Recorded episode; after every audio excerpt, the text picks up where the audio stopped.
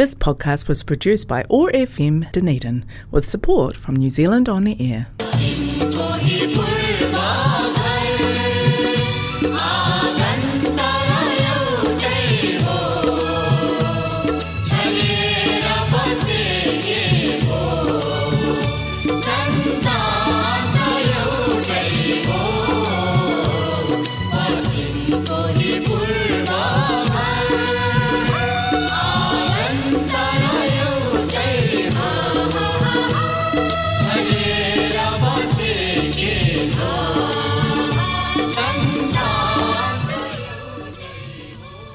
नौमाई हायरेमाई नमस्ते। हरेक मङ्गलबार साँझको छ तिस बजे प्रसारण हुने ओट्यागो एक्सेस रेडियोबाट सञ्चालित कार्यक्रम हाम्रो आवाजमा म टिका कौशिकको सम्पूर्ण श्रोताहरूमा हार्दिक अभिवादन।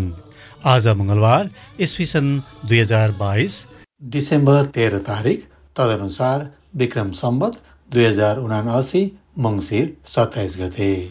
डनेडी नेपाली समाजको प्रस्तुति रहेको कार्यक्रम हाम्रो आवाजलाई प्रायोजन गरेको छ करेक्टिङ कल्चर एथनिक कम्युनिटिजले।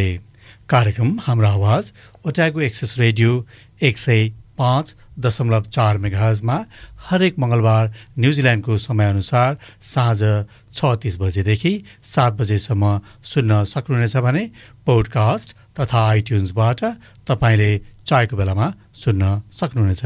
कार्यक्रम हाम्रो आवाजमा आज तपाईँले सुन्नुहुनेछ एक छलफल र आजका मेरा अतिथि हुनुहुन्छ श्री अभिसुन तेजा र Anu Gill. Shri Teja A to Z hair Katka manager हुनुहुन्छ भने Shri Gill A to Z hair कटका मालिक यानि कि ओनर हुनुहुन्छ। श्री गिल युवेट विलियम्स रिटायरमेन्ट भिलेजमा सिनियर केयर गिभर पनि हुनुहुन्छ। श्री तेजा र गिल भारतको पन्जाब स्थित गुरदासपुरबाट सन् दुई हजार सोह्रमा न्युजिल्यान्ड आउनुभएको हो। अनुजीले न्युजिल्यान्डबाट post graduate diploma in health गर्नुभएको छ। अभिसुनजी सन् दुई हजार अठारबाट हेयर कटिङ सलुन सञ्चालन गर्दै आउनुभएको छ। कार्यक्रम हाम्रो आवाजमै आप दोनों का स्वागत है। धन्यवाद। धन्यवाद। आ, मैं सोच रहा हूँ कहाँ से पूछो। अभिसुन जी आप एक कुशल सैलून संचालक है एक हेयर कटिंग सैलून संचालन करने में क्या क्या ज़रूरत पड़ती है? अकॉर्डिंग टू न्यूजीलैंड काफ़ी रिक्वायरमेंट्स हैं। उनका काफ़ी रिक्वायरमेंट रहता है। तो वो रिक्वायरमेंट के अकॉर्डिंग हमारे पास सारा टूल्स होना चाहिए और लीज पे और अपनी जगह होनी चाहिए ऐसे करके। यहाँ पे काउंसिल में बिज़नेस को लीज़ पे पहले तो लीज़ करना है। जगह का लीज़ करना पड़ेगा फिर काउंसिल में रजिस्टर कराना पड़ेगा और उनकी रिक्वायरमेंट रहती है काउंसिल की कि आपके पास क्या क्या होना चाहिए कितना सिंक होना चाहिए ये सारा रिक्वायरमेंट उनका रहता है। तो वो पूरा करने के बाद हम लोग स्टार्ट कर सकते हैं बिज़नेस एक माइग्रेंट के लिए हम्म। कितना मुश्किल है यहाँ पर बिज़नेस शुरू करने का? माइग्रेंट के लिए मुश्किल है बट इतना भी मुश्किल नहीं है कि नहीं कर सकते मुश्किल है क्योंकि अगर आपके पास स्किल है तो आप स्टार्ट कर सकते हो जो कोई भी बिज़नेस हम्म। जो कोई भी स्टार्ट करने में हम्म। उसको सेटिंग करने कितना मुश्किल हो जाएगा आ, मुश्किल तो बस यही है कि वो जब आ, हम लोग आते हैं या मान लो माइग्रेंट्स आते हैं तो माइग्रेंट्स के टाइम अगर हम लोग कर भी रहे हैं ओपन वीज़ा पे या वो टाइम के बीच बीच में अगर तो रेजिडेंसी हो गया तो बेटर है। अदरवाइज़ फिर अंडर नेक्स्ट किसी के पास से वीज़ा अप्लाई करना पड़ेगा। मतलब मीन्स टू से कि अगर पक्के नहीं हैं पीआर नहीं है, अपने पास रेजिडेंसी नहीं है तो फिर तो मुश्किल ही है। बहुत मुश्किल है। जैसे कि मैंने तीन साल किसी के अंडर में काम किया तो अभी जब हमें रेजिडेंसी मिला तो फिर जाके मेरी वाइफ को, हम लोगों ने उसी बिज़नेस को बाय किया। आपको बहुत um, स्वागत है। Um, बधाई भी है। आपको भी बधाई हो। हाँ। अनु जी आप A to Z hair cutting salon का ओनर भी है। जी। आप नौकरी भी करते हैं। जी। रिटायरमेंट विलेज पर एक सीनियर केयर गिवर है आप। जी। सीनियर केयर गिवर होने के वजह से क्या क्या करनी पड़ती है? सीनियर केयर गिवर होना uh, इतना टफ नहीं है। उससे ज़्यादा टफ मेरे लिए है बिज़नेस को संभालना बिकॉज़ मैं सात से चार बजे तक वहाँ पे काम करती हूँ। उसके लिए तुम्हारे पास सीनियर केयर गिवर के लिए तुम्हारे पास अ, एक डिग्री होनी चाहिए और तुम्हें मेडिकेशन की नॉलेज होनी चाहिए। बिकॉज़ uh, हम जब मेडिकेशन देते हैं यहाँ पे तो हम लोगों के शरीर की रिस्पॉन्सिबिलिटी लेते हैं उनकी बॉडी की रिस्पॉन्सिबिलिटी लेते हैं। और यहाँ पे जब I think all over the world but New Zealand is quite strict जब आप यहाँ पे मेडिकेशन देते हो तो आपको बड़े ही कॉन्शियस माइंड से देना पड़ता है। बिकॉज़ अगर आपने कोई भी एरर किया तो ये मिस्टेक मिनिस्ट्री ऑफ़ हेल्थ पे या ऐसे जाएगी तो आपका कंप्लेन हो सकता है। और दूसरी बात बिज़नेस ऑनर की, मैं सात से साढ़े तीन वहाँ पे काम करती हूँ, और जब मैं फिनिश करती हूँ, फिर मैं शॉप पे जाती हूँ, फिर घर पे आके खाना बनाती हूँ। So like it's I feel like it's so much in my plate to handle client को क्या करना पड़ेगा और स्टाफ को क्या करना पड़ेगा? सीनियर केयर गिवर होने से। जूनियर स्टाफ हो सकता है जी, जी, जी। उसको क्या करना पड़ेगा? जी जब हम यहाँ पे सीनियर केयर की काम करते हैं तो अगर किसी का फॉल हो गया किसी रेजिडेंट का तो हम उन सारी चीज़ों का रिस्पॉन्सिबल होते हैं। किसी को फॉल हो गया किसी को स्ट्रोक हो गया लाइक फॉर मेजर एक्सीडेंट्स तुम्हें उन चीज़ों को तुम्हें हैंडल करना होता है। ऑल्सो तुम्हारे नीचे जो स्टाफ होता है तुम्हें उनको गाइडलाइंस देनी होती है कि काम कैसे करना है। को um, काफ़ी पता होगा क्या क्या करना है। जी जी। हाँ। आप एक हेयर कटर है। hmm. आप एक केयर गिवर है। ये सर्विस आपके घर में कैसे चलेगा? केयर दोनों को और बाल का काटने को कैसे चलेगा? ठीक है अपना टाइम टेबल मैच करते हैं। तो अपना मतलब कि वो अपना काम कर रहे हैं मैं अपना कर रहा हूँ। तो सही चल रहा है सब। सर्विस के अलावा आप ये सर्विस घर में भी करते हैं ना? अनुज अभी से उनका केयर करते हो। हाँ बिल्कुल। और अनुज का बाल लंबे हो तो आप उसका हेयर कटिंग भी करते हो। हाँ वो तो ठीक है। मेरे को ज़्यादा बाल बड़े पसंद है बट अगर मेरे पैसे बच जाते हैं यू नो हस्बैंड क्योंकि मेरे हेयर कट करते हैं तो यहाँ पे न्यूजीलैंड में हेयर कटिंग बहुत एक्सपेंसिव है। तो अभी का हेयर कट मतलब बार बार होना मेरे लिए बहुत बेनिफिट है। जब मेरे को ट्रिम करवाने होते हैं तो I don't have to book any appointments मैं जल्दी से शॉप पे जाती हूँ और बोलती हूँ मेरे बाल काट दो। तो मेरे लिए बहुत ईजी है। कभी कभी गुस्से में आकर अनुज जी को बाल कितना um, गिराओगी? आ, इनको वैसे तो बाल लंबे ही पसंद है। तो छोटा छोटा नहीं करना। करना है ना। हाँ। तो कभी मैं खुद ही बोलती कि थोड़ा काटना है। मान लो हाँ। कि टिप्स काटना है तो फिर वो मतलब मैनेज हो जाता है। वो बड़ी बात नहीं है ना। अब और अनुजी जी अगर हम खुश नहीं हो तो अभी सुनकर केयर गिविंग केयर कैसे करूँगी मैं अभी हाँ। का? हाँ। ये ये थोड़ा मज़ाक की क्वेश्चन है। जी जी हाँ? जी जी जी। हम और अनुजी हम अगर खुश ना हो तो जी। हाँ अभी सुन का केयर गिविंग को क्या होगा? अभी सुन के खाना पीना बंद हो जाएगा। जो कि यहाँ मुझे लगता है कि हस्बैंड दोनों को ही खाना बनाना आता होता है। यहाँ पे मैंने नोटिस किया कि दोनों दोनों साइड से अगर लड़की पढ़ने आई पहले तो उसको भी खाना बनाना आता है। तो लड़का आ गया तो वो भी धीरे धीरे सब सीख ही जाता है। इंडिपेंडेंट मान लो कि हो ही जाता है। तो दोनों अगर थोड़ा झगड़ा भी है तो एक दिन मैनेज कर भी लेंगे नो प्रॉब्लम एक दिन झगड़ा हो जाएगा दूसरे दूसरे दिन मैंने हाँ मतलब मान लो कि उस दिन की बात करें तो यहाँ पे इंडिपेंडेंट सब करता है हर कोई हर कोई अपना कर लेता ना। तो बट वो तो ठीक है थोड़ा बहुत तो नोकझोंक चलता रहता ना। आप घर पे रहते हो थोड़ा खाना वाना बनाना सीख लिया? नहीं मेरे को प्रॉपर ही कुकिंग आता है। हाँ आता है। हाँ, अब अगर कुकिंग की बात करें तो अभी सुन मेरे से बेटर कुक है। मैं करता हूँ अपने काम को फिनिश करने के बाद घर पे जाके अगर हेल्प चाहिए तो मैं करता हूँ खाना बनाता हूँ। समटाइम्स हम जब मैं काम से आती हूँ मैंने बोला कि मैं साढ़े तीन फिनिश करती हूँ देन मैं सीधा काम पे जाती हूँ शॉप पे सैलून पे देन हम रात को साढ़े सात आठ बजे फिनिश करते हैं। देन हम जब घर पे आते हैं तो उनको पता होता है कि मैं भी थकी हूँ और वो भी थके हैं तो हम दोनों मिल के कुकिंग करते हैं तो उससे हमारा टाइम भी सेव हो जाता है और एक दूसरे का हेल्प भी हो जाता है। ठीक है ठीक है ठीक है। आज um, ऐसे ही होना चाहिए। जी। Um, हमारा कल्चरल अंडरस्टैंडिंग बोलो या क्या बोलो? हम्म, आ, घर. घर पे माँ लड़की को जो बेटी लोग को कुकिंग किचन में हाँ, ए, ये करो करो बोलते हैं। लड़का लोग को फ्री छोड़ देंगे। हम्म, जी। इंडिया में तो ऐसा ही है ना माँ घर पे है तो बस उसको तो तीनों टाइम में वो किचन में ही है है ना? तो यहाँ ठीक है ना सब इवन इक्वल है ना? यहाँ जॉब करती है तो इंसान मतलब मान लो हस्बैंड जॉब करता है तो वाइफ भी कर रही है। तो काम से दोनों आ रहे हैं अपना खाना बना रहे हैं तो ठीक है। या तो ऐसा तो नहीं है ना कि मैं भी काम पे आ रहा हूँ तो इंडिया में थोड़ा डिफरेंट है चलो वहाँ काम की प्रॉब्लम है ना। काम माँ नहीं करती है तो वो घर पे बस खाना ही बनाती है ना। वो फुल टाइम जॉब लगी फुल टाइम वो उनकी जॉब है। लेकिन मुझे लग रहा है खाना बनाना भी टफ ही है। छोड़ दो ये मज़ाक की क्वेश्चन हम्म। आ, कितना साल हो गए न्यूजीलैंड पर? आप दोनों साथ साथ आए हो और फ़र्क समय में आया था? हम लोग 2000 ये तो 16 में आए। दोनों साथ साथ आया था। नहीं मैं पहले आई थी और अभी सुन मेरे बाद तीन महीने बाद आए थे। जी। आ, इतने साल बीत गई न्यूजीलैंड पर। आपका पहला दिन से आज तक क्या फ़र्क है? बहुत सारा फ़र्क है। जब मैं पहले न्यूजीलैंड में आई थी तो मेरा पहली बार था घर से निकलना। मतलब इतनी दूर घर वालों से अलग अलग दुनिया अलग कल्चर किसी को जानती नहीं थी जब यहाँ पे आई थी। कोई फ्रेंड नहीं था, कोई रिलेटिव नहीं था। तो जब मैं यहाँ पे आई थी तो मैंने सबसे पहले स्टूडेंट वीज़ा पे मैंने क्लीनिंग में काम किया, मैंने टेक अवेज में काम किया तो अब जब उस लाइफ को देखती हूँ तो आई 2016 में मैंने वैसे काम किया।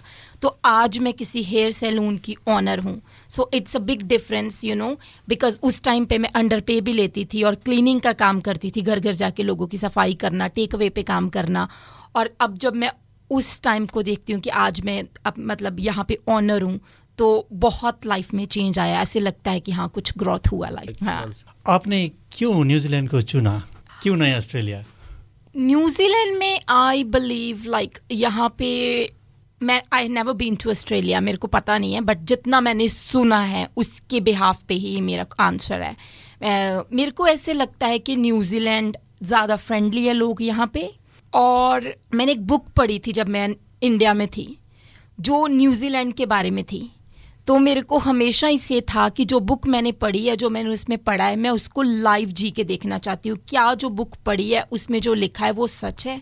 तो इसीलिए मैंने न्यूजीलैंड को चुना, क्योंकि मैं देखना चाहती कि जो बुक पढ़ी है, क्या वो सही है? जब वहाँ पे रह के देखा मैंने।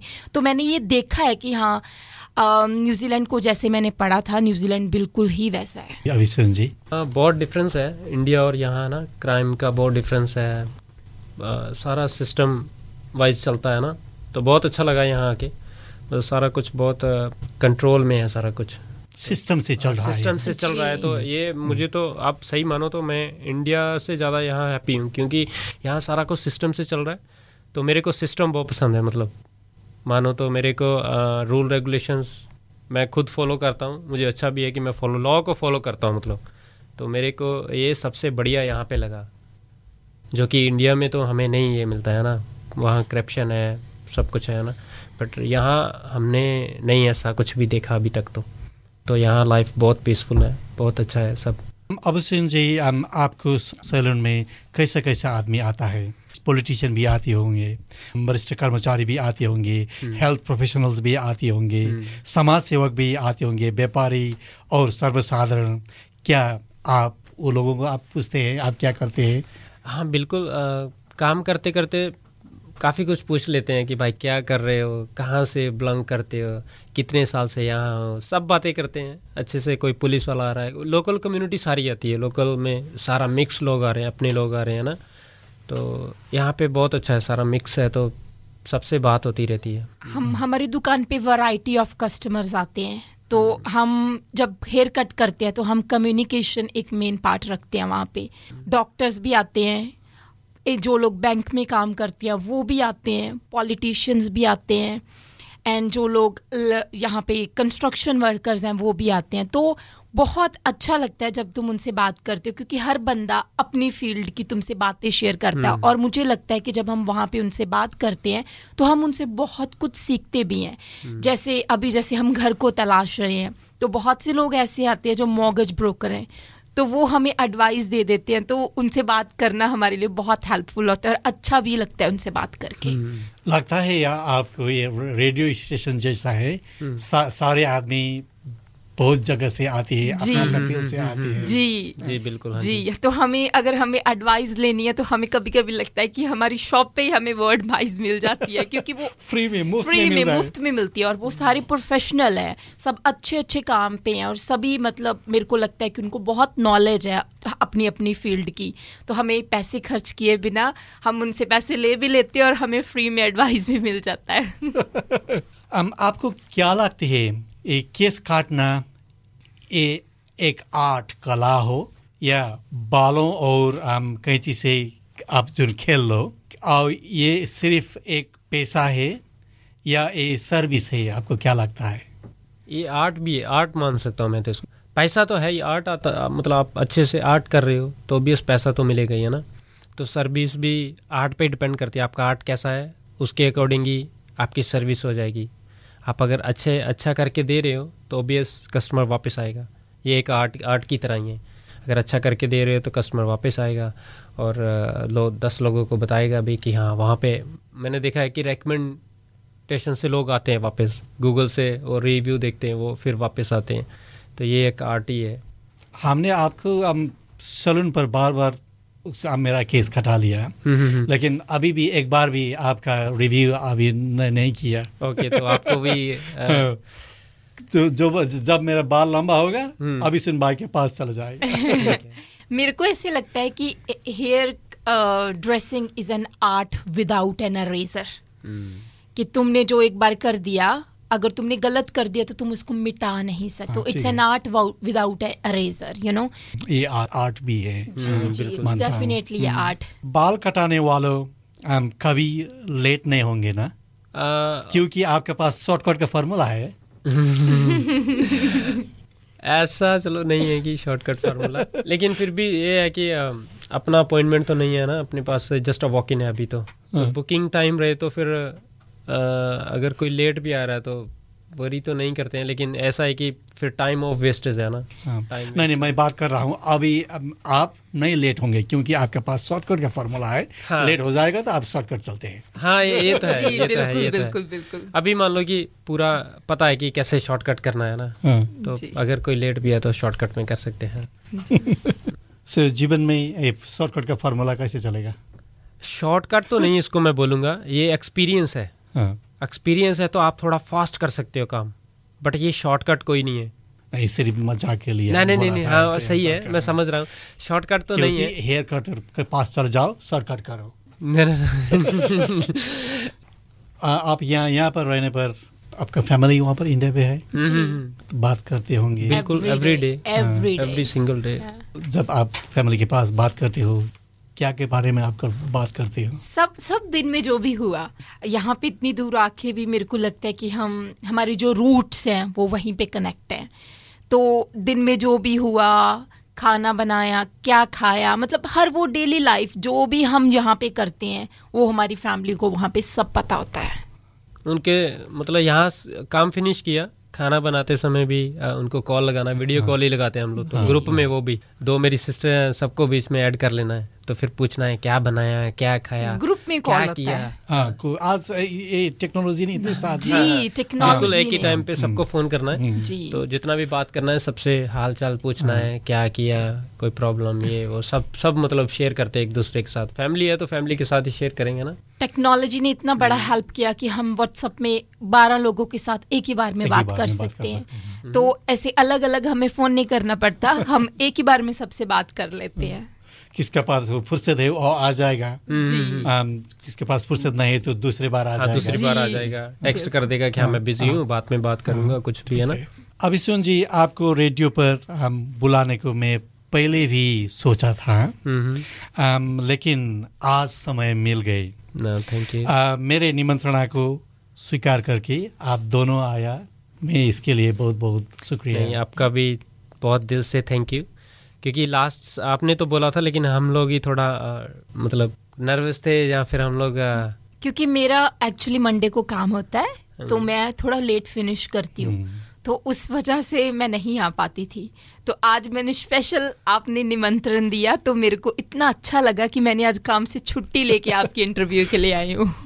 बहुत या तो आपको बहुत बहुत धन्यवाद हमें बुलाने के लिए। जो आपके पास शॉर्टकट का फार्मूला है मेरे पास शॉर्टकट का फार्मूला नहीं है। अ, घड़ी मेरे को टाइम चेज कर रहे हैं हाँ? जा रहा है, हम्म, हाँ सो जाते जाते हमारा आवाज़ का जो लिसनर्स है um, उसके लिए क्या संदेश है आप दोनों के जो लोग यहाँ पे हैं या जो लोग ओवरऑल नेपाल से हैं जितने लोग ये मेरा रेडियो over all है, over. All over है। बस यही बोलूँगी मैं सबको जो भी लोग मेरे को सुन रहे हैं यंगस्टर्स जो लोग ड्रीम देख रहे हैं कुछ बनने का जैसे मैं अभी मिडिल क्लास फैमिली से हूँ तो जो ड्रीम मैंने देखा था जैसे मैंने पहले भी बताया कि जब मैं शुरू में आई थी तो मैंने बहुत तरह की जॉब की है। तो आज जो ड्रीम मैंने देखा था जो ड्रीम में अपनी हम अपनी आँखों में लेके वहाँ से आए थे यहाँ किसी को नहीं जानते थे एक अलग दुनिया में आए थे मेहनत किया तो आज हमने जो ड्रीम देखा था हम उसे जी रहे हैं। तो मैं उन सभी लोगों को जो भी मिडिल क्लास फैमिली से हैं उनको मैं बस यही बोलना चाहती हूँ कि don't give up just work hard आप भी अब मेरी तरह अपनी ड्रीम को ज़रूर जियोगे. Just don't give up dream very very important सपना तो देखना है। जी। हाँ, सपना भी नहीं देखोगे तो क्या करेगा? जी बिल्कुल जी। पहले सपना देखो जी। बार उसको पूरा कर लो। जी बिल्कुल। जब मैं इंडिया में थी तो मेरे को कभी नहीं लगता था कि हाँ मैं ये ज़िंदगी जी सकती हूँ। बट हाँ मैंने वो ड्रीम देखा तो उसके लिए हार्ड वर्क किया। बीच में तुम मे भी तुम फॉल भी हो but you have to get up and don't give up तुम भी अपने ड्रीम को पूरा कर सकते हो। Nothing is impossible you just have to work hard Abhishek ji आपका क्या संदेश है? आ, सही बोल रहे जी। आपको हार्ड वर्क करना पड़ेगा किसी भी चीज़ को पाने के लिए। ड्रीम तो चलो इमेजिनेशन तो अपने माइंड में रहता है कि मुझे वहाँ तक पहुँचना है। इमेजिनेशन तो हर इंसान करके आता है कि मैं बाहर आ गया अब मुझे ये एक गोल रहते कि हाँ मुझे इसको क्रॉस करना है इस गोल को पाना है इसको पाना है। मान लो कि पहले हम हम लोग तो सोच भी नहीं सकते। जब आए थे तो तब तो सोचा भी नहीं था कि ये काम करेंगे। इस काम में हार्ड वर्क किया अभी इसी काम से रिज़ल्ट मिला और हम लोग अब शॉप के ओनर हैं। शॉप के ओनर के बाद हम लोगों का नेक्स्ट गोल रहेगा कि घर ले ले। हो गया। पीआर होने के बाद तो ये गोल्स हैं। अब इन गोल्स की तरफ़ ध्यान है तो ऑब्वियस हार्ड वर्क करेंगे तो ये पूरे होंगे। अपना उद्देश्य है जो हाँ, हाँ गोल। हम रख लीजिए। हाँ जी। एम हाँ, होना चाहिए कि मुझे यहाँ तक पहुँचना है तो फिर आप पा पा सकते हो उस चीज़ को। हार्ड वर्क करना पड़ेगा उसके लिए। बाकी भगवान बैठा है ऊपर प्रार्थना करो उसके संग बैठो बात करो। तो सब पूरा होगा। just set a dream you know and work hard you will get there. तो तुम्हें एक ड्रीम सेट करके उसके लिए हार्ड वर्क करना है तो तुम वहाँ पे पहुँच जाओगे। गोल हमारे जीवन में बहुत बहुत महत्वपूर्ण चीज़ है। मायने जी रखता है। कभी तो हमको शॉर्ट टर्म गोल बनाना पड़ेगा। जी। और मिड टर्म गोल भी रखना जी पड़ेगा। बिल्कुल। और लॉन्ग टर्म गोल भी रखना पड़ेगा। जी। तो क्या करना है पहले? उसको करो। जी। उसके बाद दूसरा गोल दूसरा अचीव कर लो। जी। वो प्राप्त हो जाए तीसरा गोल अचीव कर लो जी। आप दोनों को बहुत शुक्रिया। आपका भी शुक्रिया आपका भी शुक्रिया दिल से धन्यवाद। कार्यक्रम हमारा आवाज़ सकिन लागेको छ। आदरणीय श्रोताहरू तपाईँहरूले आफूले चाहेको बेलामा कार्यक्रम हाम्रो आवाज सुन्न सक्नुहुनेछ। यदि तपाईँ आइओएस चलाउनुहुन्छ भने सिधै आइट्युन्सबाट र एन्ड्रोइड चलाउनुहुन्छ भने तपाईँले पोडकास्ट एपबाट हाम्रो आवाज टाइप गरेर सर्च गर्नुभयो भने ओट्यागो एक्सेस रेडियो स्वतः देखिन्छ। त्यसमा क्लिक गरेर आफ्नो अनुकूल समयमा सुन्न सक्नुहुनेछ। पोडकास्ट एपबाट यहाँहरूले सब्सक्राइब पनि गर्न सक्नुहुनेछ। द निड नेपाली सोसाइटीको फेसबुक पेजबाट पनि हाम्रो आवाज सुन्न सक्नुहुनेछ। जाँदा जाँदै हाम्रो आवाजका प्रायोजक कनेक्टिङ कल्चर र यो आवाज तरङ्गित गराउने ओटागो एक्सेस रेडियोलाई धेरै धेरै धन्यवाद। त्यस्तै गरी आजका मेरा अतिथिद्वय अनु गिल र अभिसुन तेजालाई पनि मुरी धन्यवाद भन्दै आउँदो मङ्गलबार साँझ छ तिस बजे फेरि भेट्ने बाचाका साथ प्राविधिक मित्र जेफ र म टिका कौशिक ओजेल हुन चाहन्छु। नमस्ते शुभरात्रि। क्या पाइ टेपो काकिटे आनो कोए।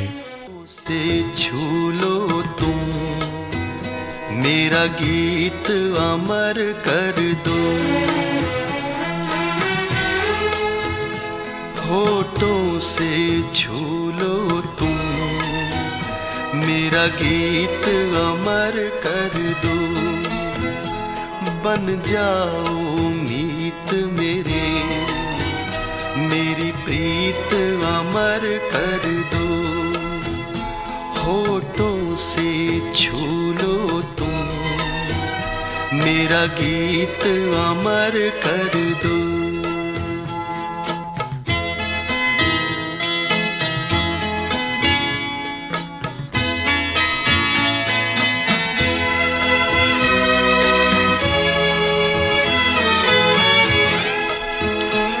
ना उम्र की सीमा हो, ना जन्म का हो बंधन।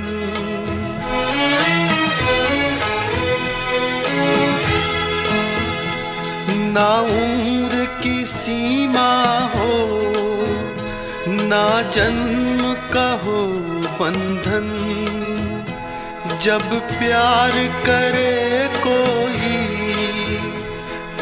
देखे केवल मन, नई रीत चला कर तू। ये रीत अमर कर दो, नई रीत चला कर तू। ये रीत अमर कर दो।